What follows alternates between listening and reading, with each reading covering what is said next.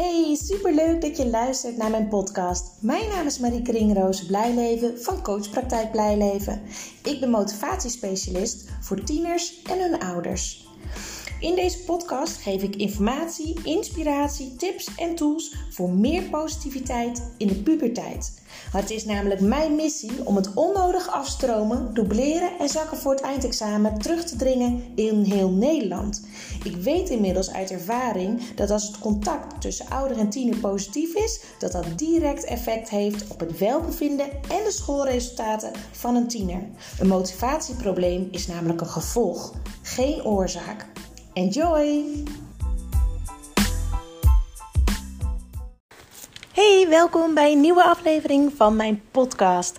En deze podcast wil ik besteden aan ehm, het feit dat kinderen ouders nodig hebben die rustig en vol zelfvertrouwen zijn.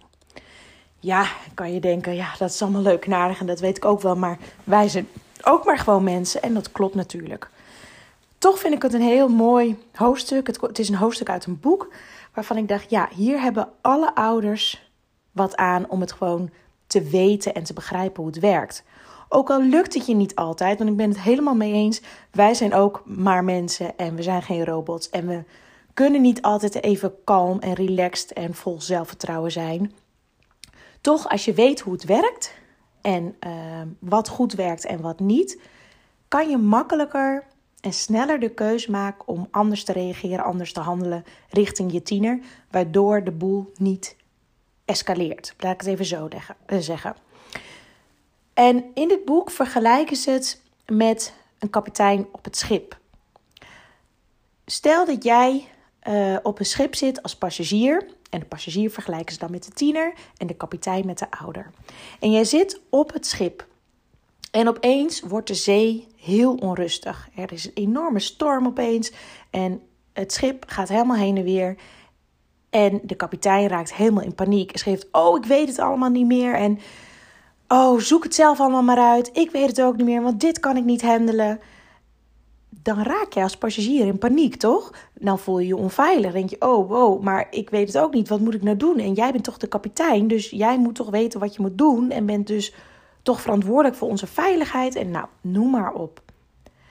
Terwijl als jij op een schip zit en het wordt onrustig en de storm en het schip gaat heen en weer en de kapitein blijft heel rustig en cool en ja, raakt eigenlijk niet in paniek en weet wat hij doet. In ieder geval, dat straalt hij uit, ook al gebeurt er van binnen misschien wel van alles bij hem. Dan voel jij je ook veilig. Want jij weet, die kapitein weet wat hij doet. En hoe bang ik me ook voel, door de kalmheid en rustig, het rustige gedrag van de kapitein en het vol vertrouwen wat hij uitstraalt, ja, voel ik me ook veilig en rustig. En word, word ik ook in mijn gedrag rustiger. Sommige ouders hebben het idee dat ze hun, te vriend, hun kind te vriend moeten houden. Dat is echt niet zo. Je bent geen vriend of vriendin van je kind. Je hoeft er ook niet um, volledig boven te staan continu. Uh, want dat is eigenlijk de, de, de grootste struggle die veel ouders hebben zodra hun kind in de puberteit komt. Uh, met name vaders vinden dat heel moeilijk. Als je erboven blijft staan en, en ja, even overdreven gezegd, autoritair gedrag blijft hebben en controle wil hebben over je kind, je verliest het. Want het kan niet meer. Zodra je kind in de puberteit komt, mag je veel vaker naast je kind gaan staan. Qua emoties, qua stabiliteit en vertrouwen en dergelijke, ben jij de rots in de branding als ouder. Dus daar um, is het heel belangrijk dat je echt als volwassene handelt. Dat je rustig en koel blijft als je tiener dwars, boos, respectloos, weet ik veel wat voor gedrag vertoont. En ze kunnen het bloed onder onze nagels vandaan halen en ze weten precies op welke knopjes ze moeten drukken uh, om ons boos te maken. Maar als ze merken dat hoe hun humeur, hoe hun gedrag ook is, dat dat niks aan ons verandert, dat wij gewoon de stabiele factor blijven, um, dan zullen zij makkelijker weer zich relaxed voelen. En weten ze diep van binnen ook en voelen ze en zien ze dat zij altijd op ons als ouders kunnen rekenen. Welke uitdaging ze ook tegenkomen in hun leven, Ze kunnen altijd bij hun ouders terecht, want die zijn stabiel en rustig. Het klinkt heel logisch. En denk je, ja, hè, dat is ook zo. Als je nagaat hoe het thuis wel eens gaat, hè, uh, neem huiswerk, daar is heel veel strijd vaak over. School, cijfers, uh, met vrienden afspreken. Uh, nou, noem maar op. Dat zijn dingen waar eigenlijk best wel veel strijd uh, tussen ouders en tieners over, over plaatsvindt. Hoe reageer jij als je tiener zegt ja of ja, ik leer het straks of ik leer het morgen, continu het uitstellen? Op een duur word je boos, word je gefrustreerd, geïrriteerd, je gaat je machteloos voelen. Je gaat misschien wel dreigen van ja, en als je nu niet je huiswerk doet, dan mag je de hele week niet naar buiten. Of uh, dan pak ik je mobiel af voor een hele week. Um, of nou, wat voor consequentie dan ook. Is dat helpend? Hmm. Ik denk niet. Het is namelijk een dreiging uit onmacht. Dingen afpakken is onmacht. Dreigen met dat ze niet naar buiten mogen is onmacht. Wat gebeurt er dan? Dat betekent eigenlijk dat jouw tiener de leiding heeft. Want jij gaat handelen uit frustratie en onmacht door dingen af te pakken. En dan kan het zijn dat je nu denkt: ja, maar dan moet mijn, mijn tiener maar zich anders gedragen. Dan hoef ik dat ook niet te doen. Dat betekent dus dat jouw gemoedstoestand afhankelijk is van het gedrag van je tiener. Dus jouw tiener heeft leiding. Terwijl als je hem omdraait, dus dat los van wat de tiener ook doet, hoe gek die ook doet, hoe brutaal die ook doet, hoe dwars die ook doet, jij rustig en kalm blijft en duidelijk blijft herhalen wat bijvoorbeeld de afspraak is um, en, en wat je ziet gebeuren en dergelijke, en je laat je niet gek maken, dan heb jij de leiding. Dan ben jij de kapitein van het schip. Dan weten ze namelijk ook, dat voelen ze gewoon en dat horen ze aan hoe je praat en wat je uitstraalt. Oké, ik kan nu zo gek doen als ik wil, maar het heeft geen zin. En dan bedoel ik niet per se dat je de volledige controle moet hebben. Um, je kan het vergelijken met. Um, als je, als je bijvoorbeeld geen leiding neemt. Dus je zegt, nou weet je, zoek het maar uit en doe maar wat je wil. En uh, ik weet dat je huiswerk moet doen, maar jij gaat toch naar buiten. Dan is er dus geen kapitein. Dan is er dus sprake van twee advocaten, maar geen rechter. Daar heeft niemand wat aan. Dus blijf ook weg van dat er geen leiding is. Blijf weg van dat de tiener bepaalt hoe en wat. En dat je machteloos gaat voelen en daardoor gaat dreigen en, en omkopen en dergelijke. Want dat is uiteindelijk helemaal niet wat je wil. En je kan het vergelijken bijvoorbeeld met een tiener die niet wil opstaan s'morgens. Jij hebt als ouder heel erg de, het verantwoordelijkheidsgevoel. Het is mijn taak om ervoor te zorgen dat mijn tiener uit bed komt. Um, maar ja, na een paar keer roepen ben je er wel een beetje klaar mee. En word je misschien emotioneel, word je hysterisch, word je boos. Uh, omdat hij niet reageert. Je hebt het idee dat hij, dat hij geen respect voor je uh, vertoont. Uh, nou, noem maar op. Uiteindelijk heeft jouw tiener dus hier de leiding. Want jouw humeur is afhankelijk van het gedrag van de tiener. Dus als je tiener niet doet wat jij wilt en je verliest de controle over jezelf, dan heeft je tiener de leiding. Dan ben jij dus niet de kapitein van het schip. Bedenk eens als jij jouw vuist tegen de vuist van je tiener aandoet. En jij, je tiener gaat duwen. Wat doe jij dan? Dan ga je vaak terugduwen. Dat is automatisch, hè? Dan gaan we terugduwen. Maar niemand heeft je gevraagd om terug te duwen. Als jij niet terugduwt, kan de tiener ook niet duwen. Dus je kan ook je vuist weghalen.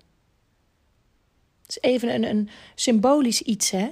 Dus als een tiener jou uh, ja, triggert, dan stopt de invloed zodra jij rustig blijft, eigenlijk niet echt erop reageert, gewoon bij jezelf blijft. Dus als jij zeker in je schoenen staat als kapitein van het schip, kunnen er eigenlijk geen rare situaties ontstaan. je onderhandelt niet meer, maar je, je, hebt, je hebt dan gewoon de leiding. En het belangrijkste blijft rustig. Wat er ook gebeurt. Als je nu beseft van, oh jeetje, ja, het is best confronterend, maar in die en die situaties verlies ik inderdaad best wel een beetje de, ja, de controle over mijn gedachten, over mijn emoties, misschien zelfs over je gedrag. Bedenk dan eens welke gedachten je hebt zodra de situatie zich voordoet. Dus zodra jouw tiener niet opstaat, bijvoorbeeld wanneer jij zegt dat hij moet opstaan, dat hij naar, bed, of naar eh, school moet. Waar ben je bang voor? Wat zegt dat gedrag van je tiener over jou voor je gevoel? Ben je bang dat je een slechte ouder bent? Ben je bang dat ze op school iets van je vinden? Noteer eens al je gedachten die op zo'n moment door jou heen gaan. En stel dan jezelf de volgende vier vragen. Byron Katie's questions zijn het. De eerste is: bij elke gedachte die je hebt opgeschreven, is het waar? Klopt het? Is deze gedachte waar? Ben jij een slechte ouder als je tiener niet op tijd op school is? Of als je hem niet uit bed krijgt? Nou, dat antwoord kan je zelf wel invullen, denk ik. Weet je zeker dat het waar is? Dat is de tweede vraag. De derde vraag: hoe voel je je en reageer je als je deze gedachten hebt? Dus denk eens aan al die gedachten die bij jou oppoppen als bijvoorbeeld je tiener niet uit bed komt. Of misschien heb je een hele andere situatie in je hoofd. Hè? Als hij zijn huiswerk niet maakt bijvoorbeeld. Of steeds slechte cijfers haalt. Welke gedachten gaan er door je hoofd en welke gevoelens komen er op als jij aan die gedachten denkt? Schrijf ze op. En bedank, bedenk dan bij jezelf: wie zou jij zijn zonder die gedachten? Als je al die gedachten weg zou laten, wie zou je dan zijn? Hoe zou je dan handelen? Hoe zou je dan reageren? Misschien is het wel zo dat je dan veel beter bij je tiener kan aansluiten. Dat je veel meer kan kijken: oké, maar wat heeft hij nou nodig?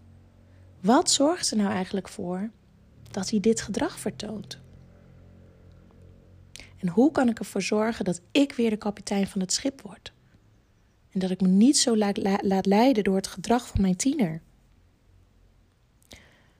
Dus noem bijvoorbeeld drie redenen wat er aan de hand kan zijn dat hij niet opstaat.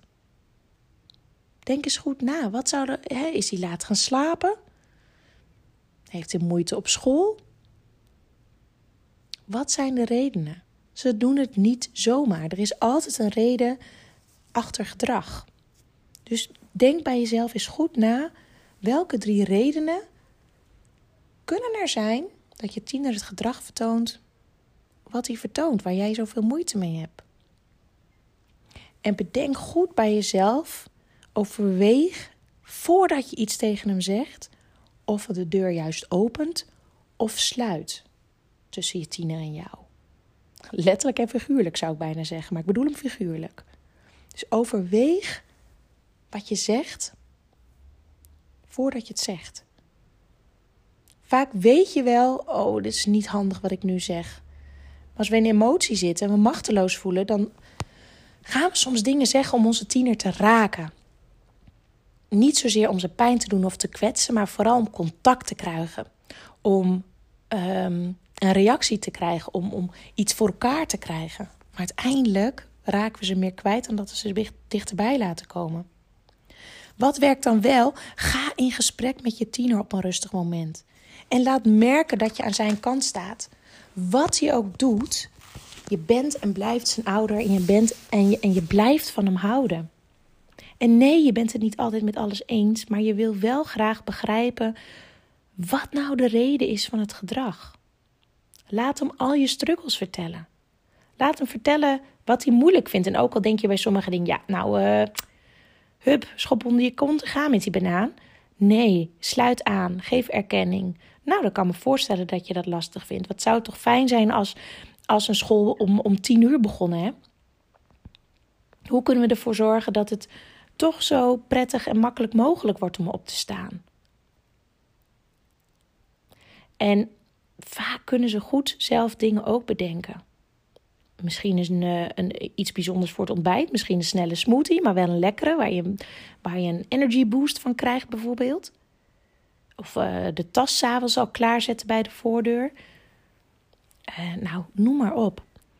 En ik heb hem ook vorige week gepost. Misschien heb je hem wel gezien. Uh, ja, het was geen review, het was een mail. Maar je, ja, je zou het zo als review kunnen zien. Van een ouder die ik een hele tijd geleden heb geholpen met het gezin. En die ouder schreef dat de puber nog steeds aan strukkelen was met school. Maar dat het in het gezin nu gezellig was en liefdevol en dat ze het fijn hebben met elkaar. En dat ze nog steeds, en dat is nu echt al maandenlang, wekelijks een gezinsoverleg hebben. Dat had ik toen met ze besproken. Het gezin was helemaal uit contact. Ze, hadden, ze waren elkaar allemaal kwijt, zeg maar. En dat is teruggekomen. En dat is eigenlijk het allerbelangrijkste bij gezinnen en ook met, of juist misschien wel zelfs met, uh, bij gezinnen met tieners. Dat de sfeer thuis goed is. Dat er sprake is van veel liefde, positieve aandacht. Dat er quality time is met elkaar. Eén op één tijd. Daar hebben tieners heel veel behoefte aan. Als die sfeer namelijk goed is, kan je ook veel makkelijker dingen met elkaar bespreken. Dus als jij nu zoiets hebt van ja, dat is dat kun je wel zeggen, maar elke keer zodra dit gebeurt, is de sfeer weer slecht. Dan is het dus zaak om uit te zoeken wat daarvoor zorgt. Wat zijn jouw gedachten op een moment dat er weer ruzie ontstaat? Waardoor ontstaat er ruzie? Wat zeg je als ouder of wat zeg je tiener? Wat de trigger is voor de ruzie? En wat zijn de gedachten die op dat moment in je hoofd zitten waardoor de ruzie ontstaat. En stel weer die vier vragen aan jezelf. Is het waar? Is het echt waar? En welke gevoelens krijg je door het hebben van deze gedachten? En welk gedrag vertoon je daardoor? En de laatste vraag: wie ben jij zonder die gedachten? Hoe zou je dan handelen? En die laatste is naar mijn idee een hele belangrijke. Want als jij handelt alsof jij die gedachten niet hebt, weet ik zeker, 100% zeker, dat de sfeer ook positiever zal worden. En dit is oefenen. Hè? Dit is niet vandaag of morgen in één keer gebeurd. Dit gaat met vallen en opstaan. De ene keer lukt het beter dan de andere keer. En wees daar ook niet te streng in voor jezelf. Het, is, het gaat er vooral om dat je bewust wordt van oké, ben ik nu de kapitein van het schip? Heb ik de leiding? Of heeft mijn kind de leiding en laat ik dus mijn manier van reageren afhangen van het gedrag van mijn kind? Want dan is je kind de kapitein van het schip. Zorg dat jij de rustige kapitein op het schip bent, want dat is precies wat je tiener nodig heeft. En laat ook wat verantwoordelijkheden bij hun liggen dat als over dat opstaan nog als dat voorbeeld. Joh, ik ga over vijf minuten naar mijn werk. Uh, nu kan je nog meerijden met me. Over vijf minuten ben ik weg. Ben je dan niet klaar? Dan moet je het even zelf regelen. En dan ook, ook gewoon echt weggaan. En als ze te laat zijn, mogen ze het ook zelf even oplossen. En dat is niet altijd even makkelijk natuurlijk. Dus de boodschap van dit verhaal is eigenlijk: word er bewust van wie de kapitein is bij jullie thuis. Wat er bij jou gebeurt als je tiener heftige emoties heeft, brutaal is, uh, zich misdraagt eigenlijk. En of het jou lukt om ervoor te zorgen om juist dan rustig en kalm te blijven. De stabiele factor voor je tiener, zodat hij zelf ook weer rustig kan worden. En daarna samen in gesprek gaan hoe jullie de volgende keer kunnen voorkomen dat het zo escaleert. En nee, dat zal niet altijd goed gaan. En ja, er zullen af en toe misschien nog wel escalaties komen. Dat is niet erg. Het is een zoektocht. Het is een proces en je doet het samen met elkaar. En geef jezelf en je tiener ruimte om hierin te groeien. Ik hoop dat je dit helpt om wat meer bewust te worden en stappen te nemen in het rustig blijven en in de volwassen rol te blijven, laat ik het even zo zeggen. Ik wens jullie heel veel succes En we spreken elkaar woensdag weer in de volgende podcast. Doei doei!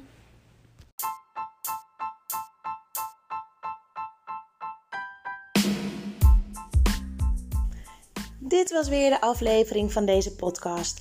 Ik hoop dat je het leuk hebt gevonden, dat je er veel informatie, tips en inspiratie uit hebt kunnen halen. Ik ben ontzettend benieuwd wat jij van deze podcast vond en wat je eruit hebt gehaald. Want ik neem ze op, maar ik wil heel graag weten hoe het is voor jou als luisteraar om dit allemaal te horen.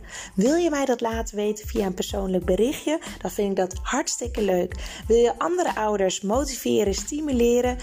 En inspireren met deze podcast, deel het dan op social media. En wil je mij contacten? Dat kan via www.coachpraktijkblijleven.nl. En wie weet spreken we elkaar snel. Fijne dag!